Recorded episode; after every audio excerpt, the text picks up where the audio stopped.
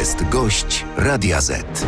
Gościem Radia Z jest Patryk Jaki, europoseł, lider suwerennej Polski. Witam serdecznie. Witam pana, witam państwa. Na początek krótka piłka. Pytanie do pana, panie pośle, i pytanie do naszych słuchaczy. Czy dzięki odblokowanym miliardom z Unii Polska szybciej się rozwinie? Tak czy nie? Mm, tak, ale z kontekstem, który będę musiał narysować.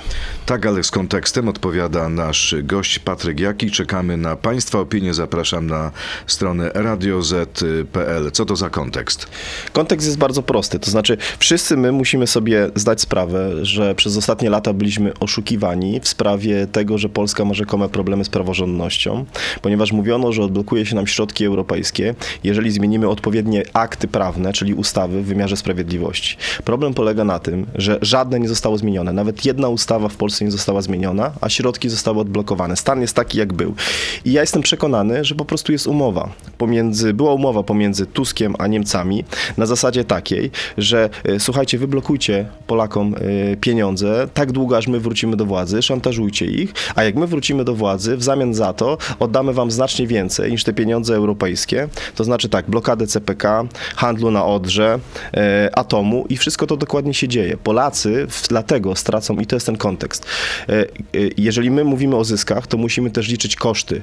KPO, przypomnijmy, to są pożyczki, które musimy oddać, dotacje, które spłacimy w nowych podatkach, które są znacznie większe niż te pieniądze, które otrzymamy, plus y, kluczowe interesy niemieckie, takie właśnie jak blokada CPK. Pan mówi, że rząd premiera Donalda Tuska, że koalicja obywatelska de facto sprzedała Polskę Unii Europejskiej i Niemcom. Ma, ma pan na to jakieś dowody? Oczywiście, że są dowody. No, pierwszy dowód jest taki, że stan prawny się w Polsce nie zmienił, a pieniądze wtedy się nie, da, wtedy się nie wypłacało, a teraz się nagle wypłaciło. A Drugi może dowód jest coś jest... takiego, panie pośle, że jest coś takiego jak wiarygodność rządu i Bruksela uznała, że ten rząd daje rękojmie tego, że praworządność zostanie przywrócona i na przykład sędziowie nie będą karani i dyscyplinowani, czego nie dawał rząd PiSu. No właśnie teraz jest dokładnie odwrotnie, to znaczy y, Bodnar codziennie y, swoimi osobistymi decyzjami polityka wywala jakichś sędziów, którzy mu się nie podobają, gdyby patrzeć na fakty, ale pamiętajmy, że w polityce, jeżeli już, to oni w kamieniach milowych zapisane mieliśmy wprost. Zmiana aktów prawnych. I akty prawne się w ogóle nie zmieniły.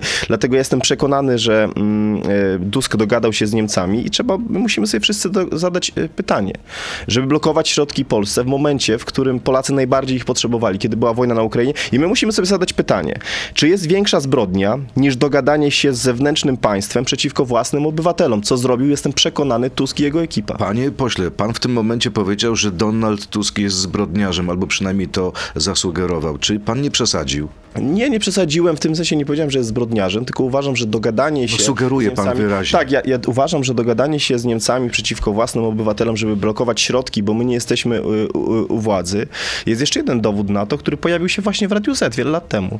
Mianowicie wiele lat temu Rafał Trzaskowski tu właśnie na tej antenie powiedział, że no, środki on, on będą mrożone jak my wrócimy do władzy, że my ich nie dostaniemy, a jak, będą, a jak my wrócimy do władzy, pośle, to będą odmrożone. Nie cieszy się pan naprawdę z tych odblokowanych 137 miliardów euro? Cieszę się, dlatego cieszę się, tylko tak jak mówię, oprócz zysku. Cieszy trzeba się, liczyć... czy się pan nie cieszy? Bo ja mam wrażenie, że pan się nie cieszy, że pan się martwi. Nie, ja się cieszę, ale martwię się o koszty, bo oprócz zysków są jeszcze koszty i uważam, że jako całość jest to fatalny deal. Wszyscy Polacy zostali oszukani. Myśli pan, że mylą się wszyscy ci eksperci, którzy mówią, że to nam da nieprawdopodobnego kopa cywilizacyjnego, te właśnie pieniądze? E, tak, jeżeli nie liczą kosztów, dlatego że sama transformacja energetyczna, za którą Polska zapłaci najwięcej, do której jesteśmy zmuszani, czyli ten tak zwany Zielony Ład, to są biliony złotych. Efektywność energetyczna budynków, która jest wymuszana na nas poprzez nowe nakładane podatki na Polaków, to są kolejne miliardy. Kolejne miliardy to jest podatek migracyjny, w to nie wliczony. Za chwilę będziemy rozmawiać o Zielonym Ładzie. Chciałbym pana zapytać teraz o e, Zbigniewa Ziobrę. E, politycy koalicji z Komisji do Spraw Pegasusa chcą go przesłuchać. Czy to będzie możliwe? E, no, jeżeli jest człowiek, który w tej chwili walczy o życie, ma drugą chemioterapię w bardzo ciężkiej sytuacji, no to, yy, to w tej chwili nie ma takiej możliwości. Natomiast jeżeli oni kwestionują to, czy pan minister jest chory, no przecież przesyła regularnie lekarskie zwolnienia do marszałka Sejmu, a jak trzeba, to prześle również do komisji śledczej. Natomiast to, że, jak, że oni chcą się zachowywać jak barbarzyńcy, to, to, to, to to to najbardziej świadczy o nich. Y, Wielu, wiele osób, wielu polityków, wielu dziennikarzy sugeruje, że to jest y, ustawka, a nie choroba. No to tak jak mówię, minister Ziobro przedstawia dokumenty lekarskie, Komisji Śledczej również przedstawi dokumenty lekarskie, ale same tego typu sugestie pokazują, że to w ogóle nie chodzi o żadną prawdę, tylko po prostu o zemstę. Poseł Trela mówi, że jest, jeśli y, inaczej się nie da, to być może trzeba będzie przesłuchać pana ministra Ziobrę w miejscu jego pobytu. Czy wyobraża pan sobie takie przesłuchanie w szpitalu? No tak, za, za, za czasów stalinowskich zapewne tak robiono. No widać, że takie przyzwyczajenia jeszcze z, z lewicy, gdzie jest wiele osób z czasów e, komunistycznych jeszcze, widać, że takie przyzwyczajenia jeszcze są tam e, obecne. Czyli w szpitalu to byłby stalinizm. E, No jeżeli by chcieli w ten sposób zrobić, minister Ziobro powiedział, nasi ludzie nawet głosowali w komisji śledczej za tym, żeby minister był przesłuchany. Tak, my chcemy, żeby był przesłuchany, ale jak już będzie zdrowy, jak będzie miał siłę, czy to jest, y, czy to jest warunek, który, którego można oczekiwać w cywilizowanym państwie, tym bardziej, że przecież minister Ziobro już za poprzednich rządów Platformy był przesłuchiwany przez 8-9 komisji śledczych i zazwyczaj źle się to kończyło dla tych, przesłuchi- dla tych którzy przesłuchiwali go. Pa, panie pośle, pan mówi, że dokumenty zaświadczenia są przekazywane przez pana ministra Ziobrę, natomiast pan poseł Napieralski mówi, że nikt nie ma żadnego dokumentu na temat stanu zdrowia Zbigniewa Ziobry. Więc jeśli chce uniknąć wezwania, to musi po prostu przedstawić taki dokument. Ale to tak jak powiedziałem, przedstawi komisji śledczej. Przy, pan marszałek Zgorzelski mówił, że regularnie takie zwolnienia do niego trafiają. W związku z powyższym, ja jeszcze raz powiem, my w ogóle zabezpieczamy y, wszystkie tego typu wypowiedzi. E, Co to znaczy e, zabezpieczamy? Zabezpieczamy, to znaczy zabezpieczamy prawnie tego, wszystkie tego typu wypowiedzi, które to sugerują i osoby, które w ten sposób postępują, po prostu też za to zapłacą. W jaki sposób? Poprzez pozwy, poprzez pozwy cywilne. Kto będzie wytaczał te procesy? Sam pan minister Ziobro, Ja, czy sam, pan? sam pan minister, jak już będzie do tego zdolny. A dzisiaj sytuacja jak wygląda? Gdyby pan mógł coś więcej powiedzieć, widział się pan ostatnio z nim, rozmawiał pan z nim? Rozmawiałem jakiś czas temu, widzieć się nie widziałem już od, od czasu, kiedy poszedł do szpitala. Natomiast, y, natomiast no, pan minister walczy, jest twardy, no, ale sytuacja jest ciężka. Czesław Siekierski ma dzisiaj w Brukseli zażądać na spotkaniu ministrów rolnictwa ograniczenia Zielonego Ładu. Jakie ma na to szanse? Będzie walczył sam ze sobą, dlatego że przypomnę, że Zielony Ład przeforsowali w Parlamencie Europejskim y, jego formację, to znaczy formacja, w której jest Platforma, PSL, Lewica i Hołownia.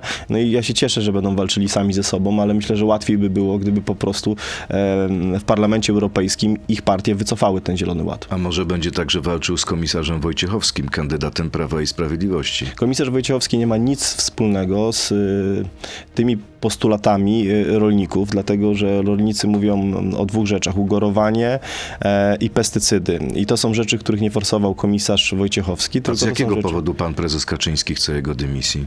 Ja myślę, że chodzi o te pewne niefortunne wypowiedzi, które nie zostały umieszczone i wyjaśnione we właściwym kontekście. Natomiast y, te rzeczy, przeciwko którym protestują rolnicy, to znaczy w ogóle niszczenie hodowli, to są rzeczy forsowane przez Timmermansa i przez komisarza do spraw środowiska A z partii, w których jest PSL i Platforma. Dlaczego pan komisarz wtedy, kiedy te sprawy były forsowane, nie złożył sprzeciwu, nie podał się do dymisji? Ale nie, on składał sprzeciwy na kolegium komisarzy. E, No i przez Że Timmermansa, który jest w lewicy. rozedrzeć szaty i odejść z Komisji Europejskiej, skoro y, działo się tak, y, tak źle. no to wtedy pewnie nie mógłby zrobić tego, co mu się jednak udało, e, to znaczy dopłaty do dobrostanu, które spowodowały, że Polacy mają równe dopłaty, e, polscy rolnicy mają równe dopłaty, tak samo jak, jak, jak na Zachodzie, czego wcześniej nie było. Polska powinna wprowadzić jednostronne embargo na produkty z Ukrainy? Tak. Tak, Tak? tak, jak, tak jak myśmy, to znaczy po, po prostu w A tej nie, a sytuacji... nie liczy się pan z reakcją y, strony ukraińskiej, że na przykład oni zablokują eksport polskich towarów na Ukrainę, na przykład polskiego mleka? Znaczy ja uważam, że przede wszystkim my mamy, ja, ja uważam, że tak, w naszym interesie jest to, żeby Ukraina e, wygrała z Rosją, natomiast trzeba pamiętać, że obowiązkiem polskich polityków w pierwszej kolejności jest dbanie o interes naszych obywateli, naszych przedsiębiorców, po prostu. Ale mamy też wypowiedź pana premiera Szmychala, premiera Ukrainy. W całej Unii, w szczególności w Polsce, panuje poparcie dla radykalnych i prorosyjskich sił politycznych. To oczywiście tworzy te wszystkie straszne rzeczy, które widzimy, gdy wysypują zboże, gdzie działają nielegalnie. Mamy w Polsce siły prorosyjskie? No, na pewno działa jakaś agentura prorosyjska w, w, w Polsce, nie ma co tego wątpliwości. To zielone ludziki odpowiadają za wysypywanie zboża? Jest, nie wykluczyłbym tego. No służby muszą to zbadać. A nie rolnicy? Mm, e, służby muszą to zbadać, być może są zaangażowani w te, zaangażowane w to osoby również e, no, tak zwane zielone ludziki. Natomiast no, złość rolników jest uzasadniona. No, my musimy bronić interesu polskiego państwa. Jak byliśmy u władzy, jak się nie dało inaczej, zablokowaliśmy granicę. No i Platforma powinna zrobić to samo i Tusk. No. To teraz pora na krótką piłkę, odsłona numer dwa. Trzy krótkie pytanie. Poproszę o odpowiedzi tak albo nie. Czas najwyższy na polexit, tak czy nie? Nie, Morawiecki to najlepszy kandydat na prezydenta, tak czy nie? nie, Kaczyński na emeryturę, tak czy nie? nie. A zobaczmy, jak zagłosowali nasi słuchacze. Czy dzięki odblokowanym miliardom z Unii Europejskiej Polska szybciej się rozwinie? Tak odpowiedziało aż 81% uczestników naszej sądy. Nie odpowiada 19%.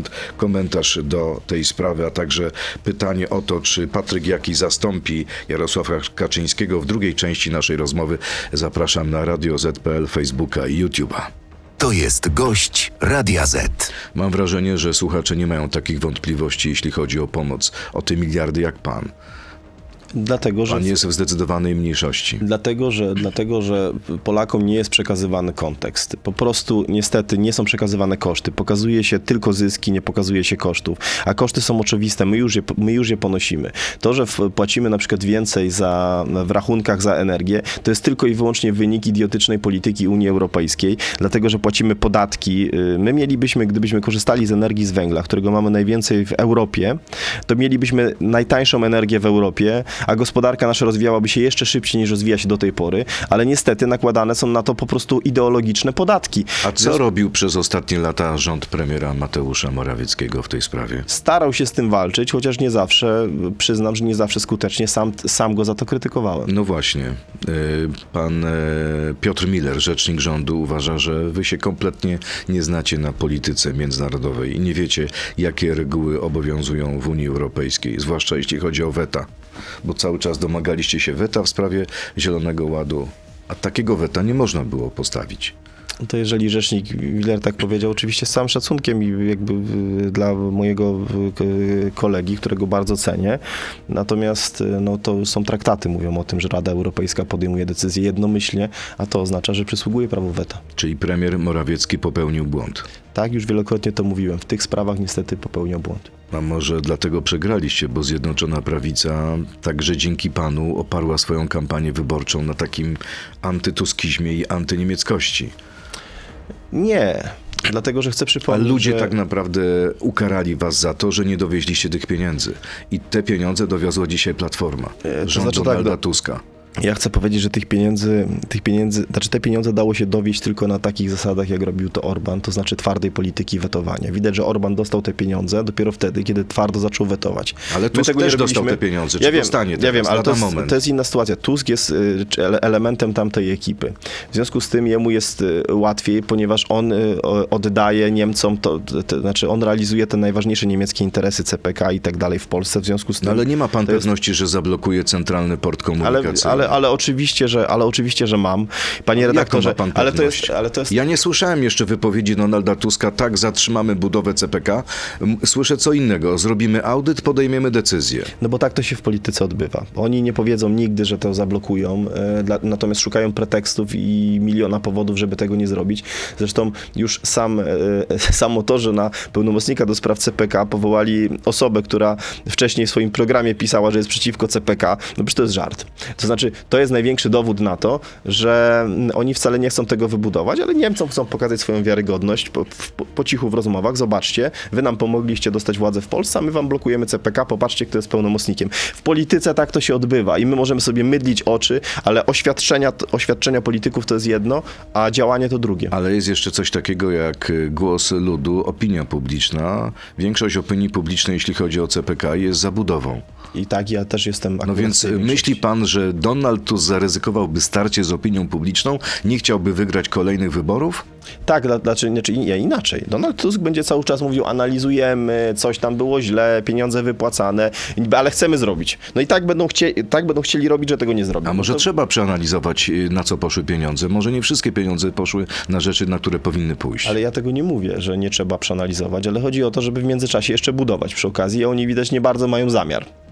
E, Panie pośle, wróćmy jeszcze na moment do spraw polsko-ukraińskich, bo mamy nie tylko wypowiedź premiera Szmychala, mamy też wypowiedź wicepremiera Kubrakowa, mamy kolejne przypadki wysypywania zboża z transportów ukraińskich, mamy Gdańsk, mamy wysypanie kukurydzy pod Bydgoszczą i pan wicepremier Kubrakow pyta, jak długo jeszcze rząd i polska policja będą pozwalać na ten wandalizm.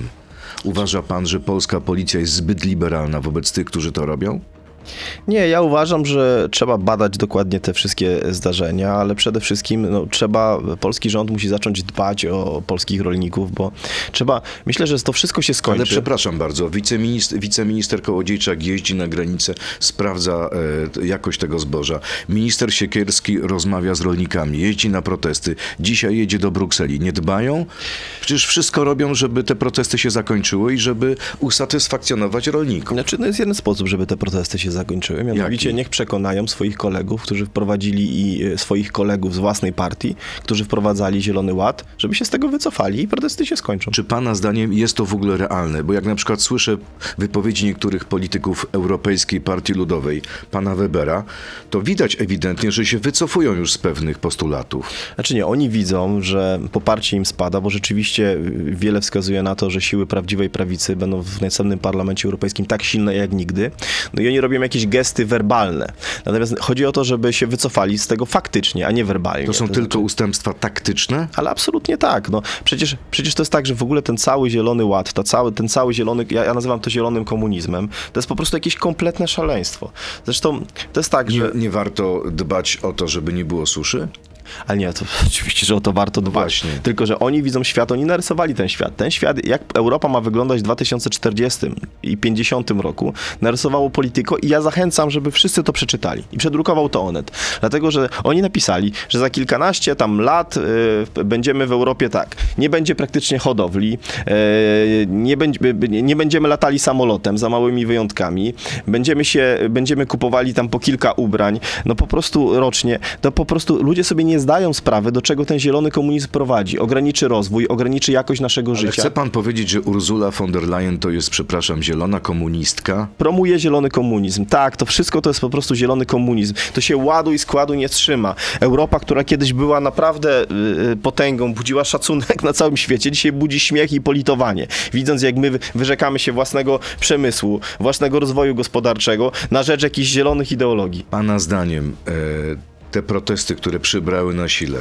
od Hiszpanii przez Francję, Niemcy i Polskę, one mogą być czynnikiem, że to się uda zablokować, czy na razie będą ustępstwa taktyczne do momentu wyborów do Parlamentu Europejskiego? Uważam, że na początku będą, na razie będą ustępstwa taktyczne, żeby to wszystko zmalało, ale uważam, że prędzej czy później ten cały y, y, liberalno-lewicowy układ z zielonym komunizmem się zawali. Ale Dlatego, żeby się że on- zawalił, jak pan e, tak uważa, to muszą być takie, a nie inne wyniki wyborów. Ja wiem. No to, E, W Polsce prawica, o ile pamiętam, 15 października przegrała. To prawda, ale, ja uważam, że dlatego mówię z czasem. To wszystko będzie trwało, dlatego że wchodzą w życie rzeczy i ludzie sobie, nie, duża część obywateli sobie nie zdaje sprawy poprzez osłonę medialną, nie zdaje sobie sprawy z tego, co to de facto oznacza. Na przykład y, dyrektywa o efektywności energetycznej budynków. To będzie kosztowało po prostu no, bi- bilion, jeżeli nie więcej y, złotych. Co to Polacy- znaczy w przełożeniu czy w przeliczeniu na jednego Polaka? No to są ogromne pieniądze. Ja w tej chwili pan nie ma, są ogromne pieniądze. Ludzie z tego nie zdają Ale sprawy. zna To jest, pan, e, ma pan konkretne wyliczenia, czy tylko Znaczy pan nie, to są tak wyliczenia- mówi, że nie, nie, będzie są- strasznie, ale nie mamy konkretów? Nie, nie, konkrety są, dlatego że, dlatego że to są wyliczenia przecież instytucji europejskiej. No, a poza tym, jeżeli każdy będzie musiał dostosować swój y, budynek do mm, zasad tej efektywności energetycznej, to znaczy wszystkie budynki mają być zeroemisyjne. Czy Państwo wiecie, co to znaczy, że mają być zeroemisyjne? To będzie po prostu, w tej chwili wszystkie piece wywalamy yy, z domów, będziemy musieli insta- i instalować fotowoltaikę, która jak wiadomo nie działa cały czas. Będzie trzeba kupować pompy ciepła, co do których teraz też już są wątpliwości. No są po prostu, e, to będzie po prostu, to będą dodatkowe koszty, to będą dodatkowe inwestycje, na które wszystkich Polaków nie stać. Pana zdaniem to jest utopia, czy to jest biznes? Nie, no to jest po prostu, to jest komunizm, no. Tylko, że się ładnie nazywa. To jest po prostu komunizm. E, Dobrze, wracając do pańskich odpowiedzi na krótką piłkę, mm, uważa pan, że Mateusz Morawiecki e, nie daje szans na zwycięstwo prawicy w wyborach prezydenckich? Uważam, że nie. A kto, e, jeśli nie Morawiecki? No będziemy, zobaczymy po wyborach europejskich, e, zrobimy wtedy analizę i podsumowanie, no i wybierzemy najlepszego kandydata, ale Czy pan chciałby prawyborów w Zjednoczonej Prawicy? uważam, że to jest dobry pomysł. Uważam, że to jest dobry pomysł, dlatego że w Stanach Zjednoczonych to działa, bo powoduje, że pretendent wtedy, mm, znaczy ludzie mogą poznać pretendentów, sprawdzić jak wyglądają w boju. E, Kampania wtedy trwa dłużej, biorąc pod uwagę sytuację, którą my mamy w ogóle medialną, to będzie powodowało, że ludzie lepiej będą mogli poznać jednego z kandydatów, który potem, który potem wystartuje w wyborach. To jest coś nowego dla prawicy, ale uważam, że to jest dobry pomysł. Ale czy to jest możliwe przy obecnym sposobie kierowania Prawem i Sprawiedliwością Zjednoczoną Prawicą? Przecież dobrze pan wie, że żaden kandydat niepobłogosławiony przez prezesa Kaczyńskiego nie będzie kandydatem prezesa Kaczyńskiego. A w prawyborach może wygrać ktoś, kogo niekoniecznie prezes lubi, albo kocha, albo szanuje. Ja uważam dlatego, że prawybory to jest pomysł, do którego rzeczywiście ma pan rację. Najpierw trzeba przekonać pana prezesa i kierownictwo. Zrobi pan to? Będzie pan Będę to robił? próbował przekonywać, tak. A pan wystartuje w takich prawyborach, jeśli one będą? To zależy. To znaczy, jeżeli by, jeżeli, jeżeli, jeżeli będzie kandydat, który będzie prawdziwie mm, reprezentował nasze wartości e, i będzie dawał szansę na zwycięstwo, to nie. To, nie znaczy, jeżeli ktoś lepszy będzie niż pan. Znaczy, jeżeli mi chodzi o kwestię tego, co będzie ze sobą reprezentował, no bo na prawicy mamy A też... dlaczego Mateusz Morawiecki nie reprezentuje tych wartości, które są panu bliskie? Dlatego, że nie daje moim zdaniem gwarancji tego, że jeżeli jeszcze raz wrócilibyśmy do władzy, a ja w to wierzę, to będzie podejmował inne decyzje e, w rozmowach z Unią Europejską. Dlatego, że mm, no to jest tak, no my musimy sobie też powiedzieć wprost. Chce pan powiedzieć, że Mateusz Morawiecki to jest agent Brukseli? Nie, absolutnie, tego nie powiedziałem. Ale Ja to pan sugeruje. Tam, nie, ja widzę tam, widziałem tam intencje, widziałem, że po prostu było takie zaufanie do Brukseli, że ona chce dobrze, że chce naprawdę walczyć o praworządność, a im w ogóle nie chodziło o żadną praworządność, tylko chodziło, żeby zrealizować, chodziło im o to, żeby zrealizować jeden cel. Dusić nas tak długo, aż Tusk wróci do władzy. Yy, czyli Mateusz Morawiecki nie, a Beata Szydło? Tak, to już jest y, kandydatura, którą, o której, którą bylibyśmy pewnie gotowi poprzeć. Była premier porwie młodzież? Były czasy, kiedy za, za jej rządów e, e, przecież ja chciałbym, żeby prawica dzisiaj była w takiej kondycji, jak za czasów jej rządów. Yy, A czytał pan yy, apel profesora Nowaka do prezesa Kaczyńskiego, żeby ustąpił? Czytałem. I co pan na to? Uważam, że pan profesor Andrzej Nowak i to trzeba mieć też świadomość w ogóle, kim jest profesor Andrzej Nowak dla prawicy.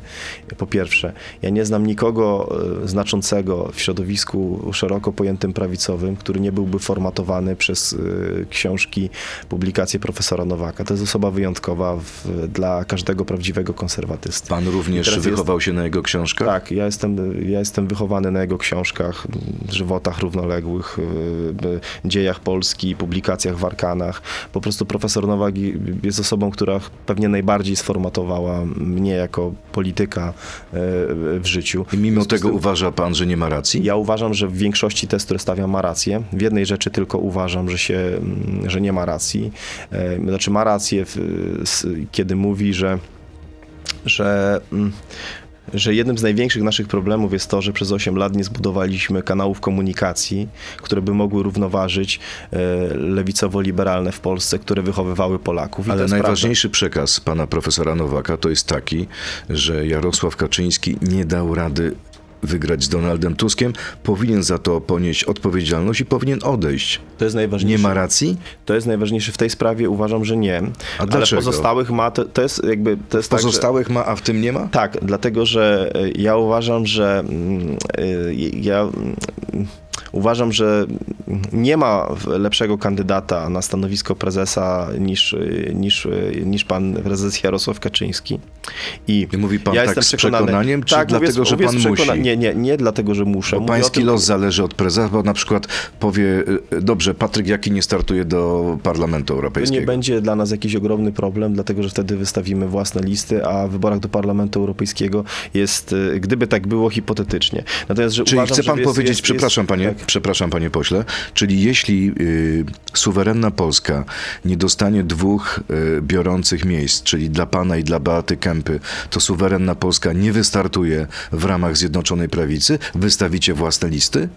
Tak, i jeżeli nie będzie wspólnego programu, ale nie ma takiego zagrożenia, od razu mówię. Ja uważam, że po, po pierwsze tak, pan prezes Kaczyński jest, y, ja wierzę, że wygramy z nim kolejne wybory. Wierzę w to, naprawdę wierzę. widział pan temu, ostatnie dzisiaj- sondaże? Ja wiem, ja wiem. Widział pan taki jakby- sondaż dla Rzeczpospolitej, który mówi, e, jaka jest ocena wyborców, kto ich zdaniem może wygrać te wybory.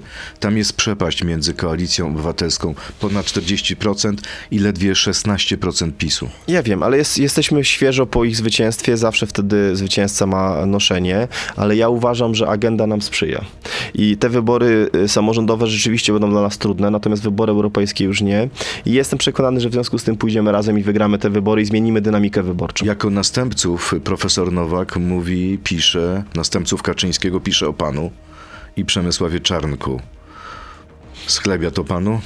Oczywiście z ust profesora Nowaka jest to, y, jest to dla mnie zaszczyt, natomiast jeszcze raz chcę powiedzieć, że y, ja wierzę w to, że z prezesem wygramy kolejne wybory. Zawalczyłby pan o przywództwo na prawicy?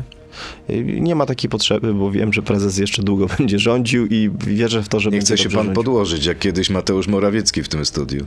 Nie, po prostu ja też jestem, ja też zupełnie szczerze powiem, że mnie już życie nauczyło pokory, porażki nauczyły mnie pokory, jestem młody, spokojnie, nigdzie, nigdzie nie będę wychodził przed szereg. Kolejne, te- wobec teraz, teraz po- pora na pytania od naszych słuchaczy. Poproszę o krótkie odpowiedzi, bo jest ich mnóstwo.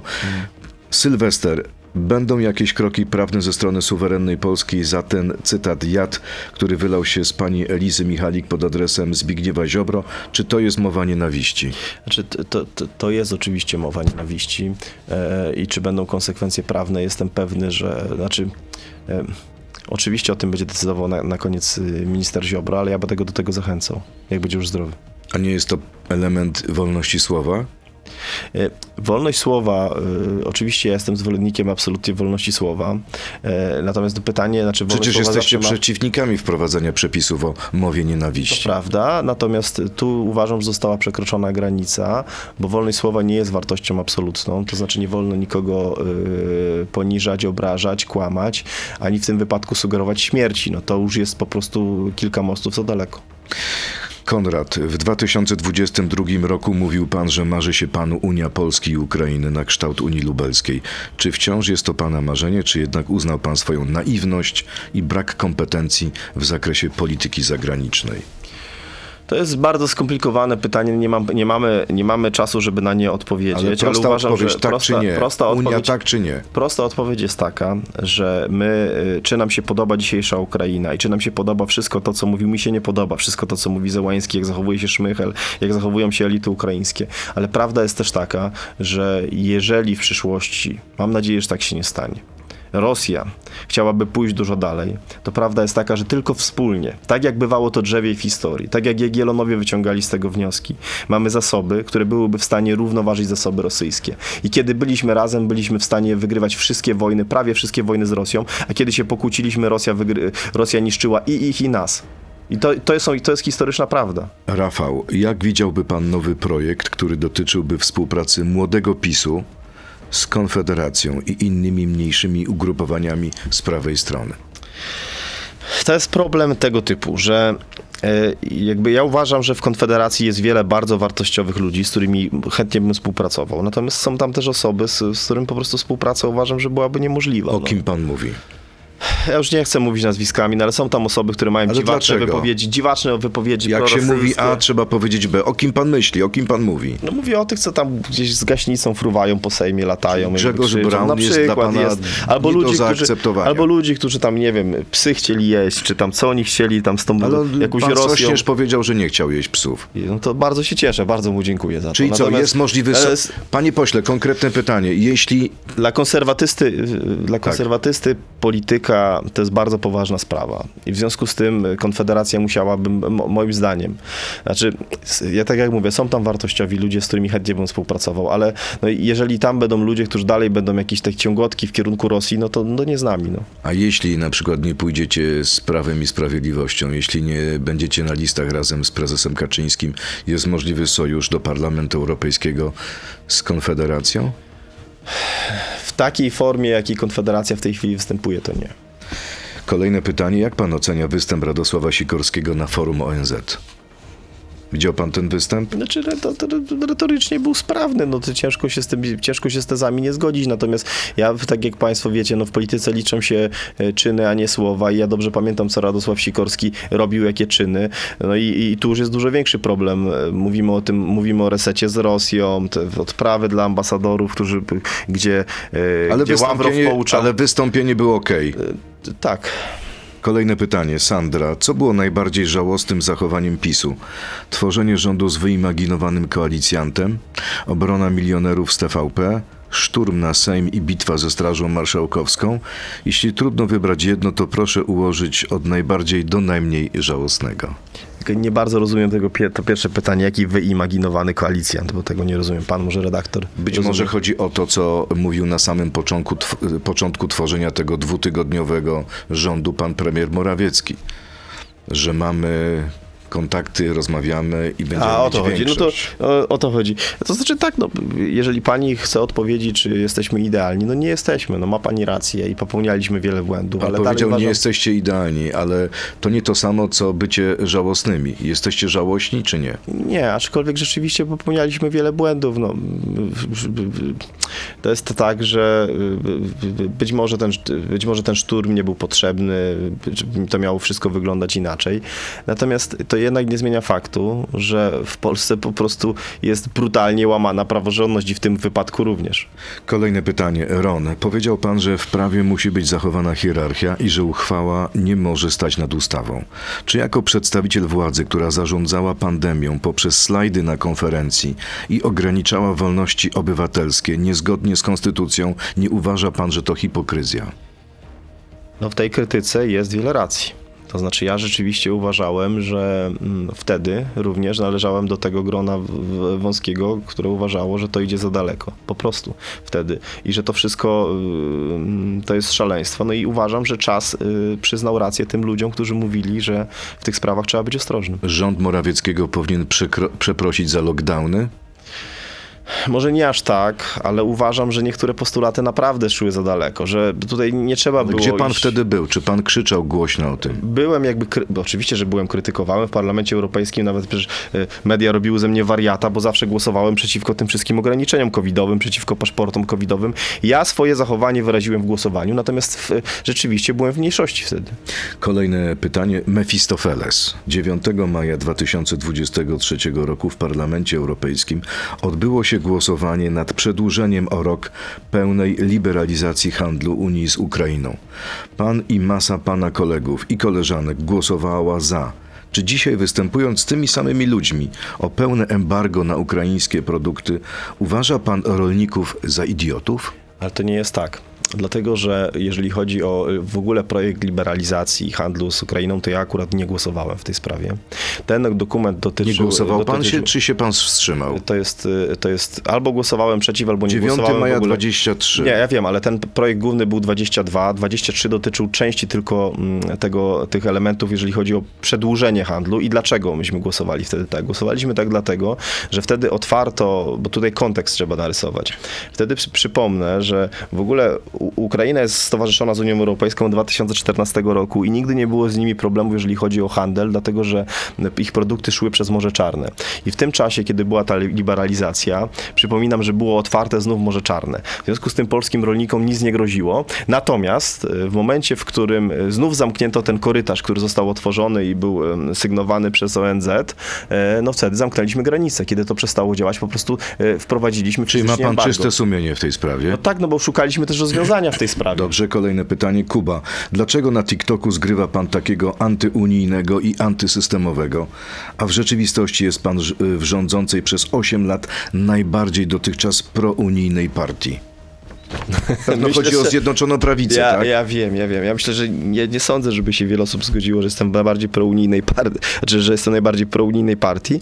Natomiast no, rzeczywiście no, nie wszystkie nasze, znaczy nie, nie wszystkie decyzje premiera Morawieckiego y, mi się podobały. Kolejne Jak już pytanie. wielokrotnie mówiłem, byłem nim, byłem nim przeciwko, wypowiadałem się przeciwko nim. Koto Mati, witam panie pośle. Jak pan skomentuje ostatnie słowa posła Kowala, jakoby Ukraina nie była winna zbrodni wołyńskiej, ponieważ państwo ukraińskie wtedy nie istniało? Czy taka polityka jest odpowiedzialna? Nie, no po prostu to ręce opadają. To znaczy, dlaczego panu ręce Powinien się opadają? podać do dymisji za takie bzdury po prostu. Na upa to co to było?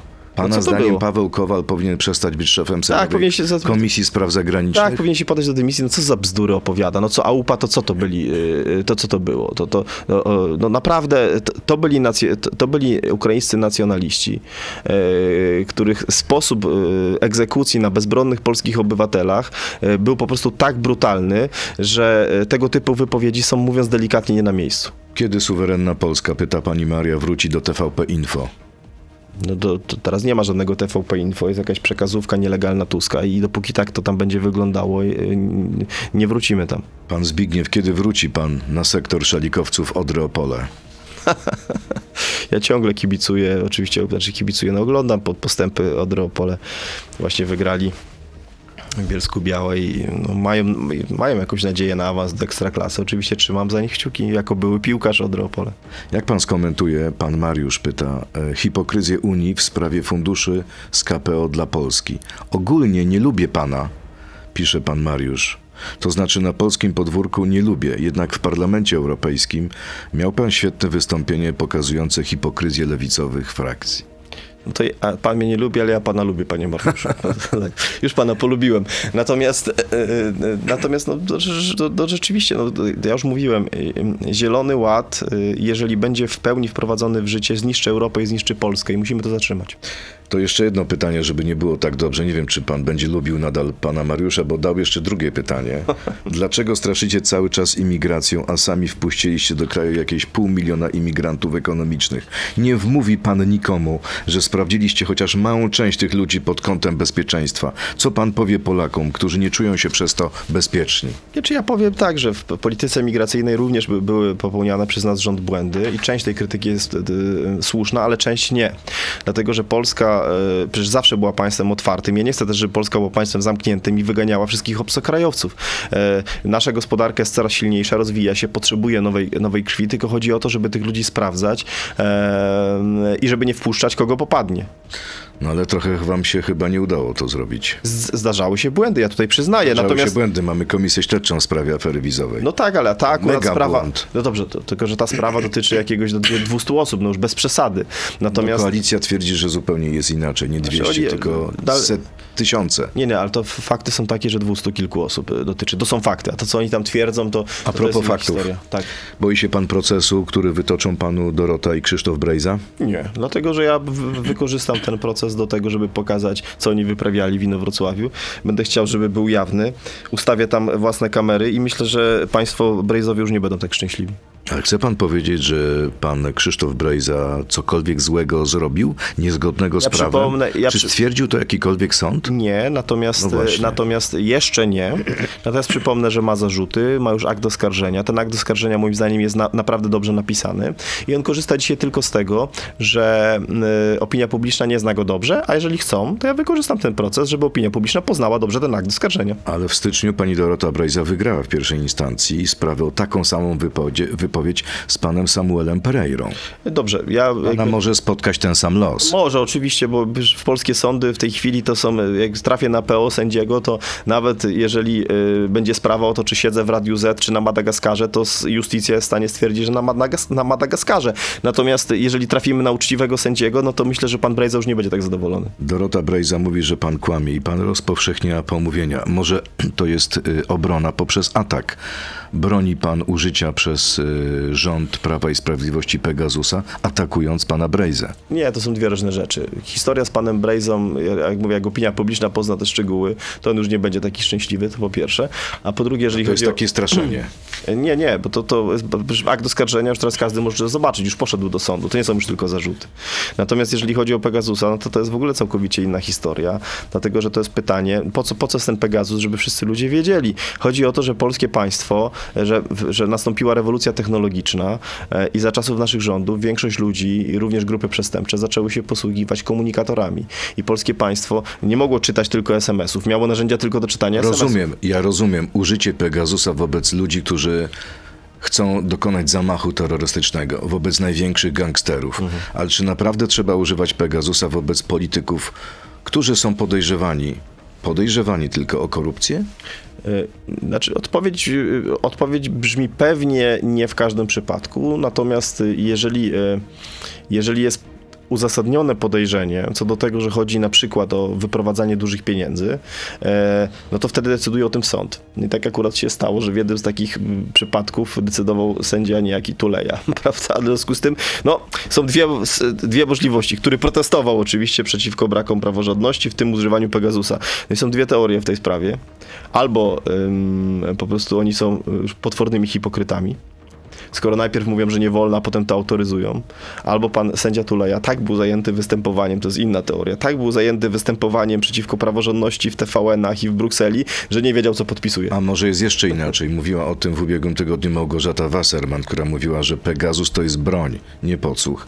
Że po prostu sędziowie są tak zawaleni robotą, że nie są w stanie zweryfikować tego, co otrzymują, tego, co podpisują. No, ale to, to, to raczej jest element tej tezy, o której ja mówiłem e, przed chwilą, że on nie wiedział, co- podpisywał. Natomiast, y, natomiast rzeczywiście jest tak, że jest, mamy w Polsce grupę A sędziów. poza tym wie pan dobrze, że być może służby specjalne nie muszą pokazywać wszystkiemu, wszystkiego sędzia, sędziemu.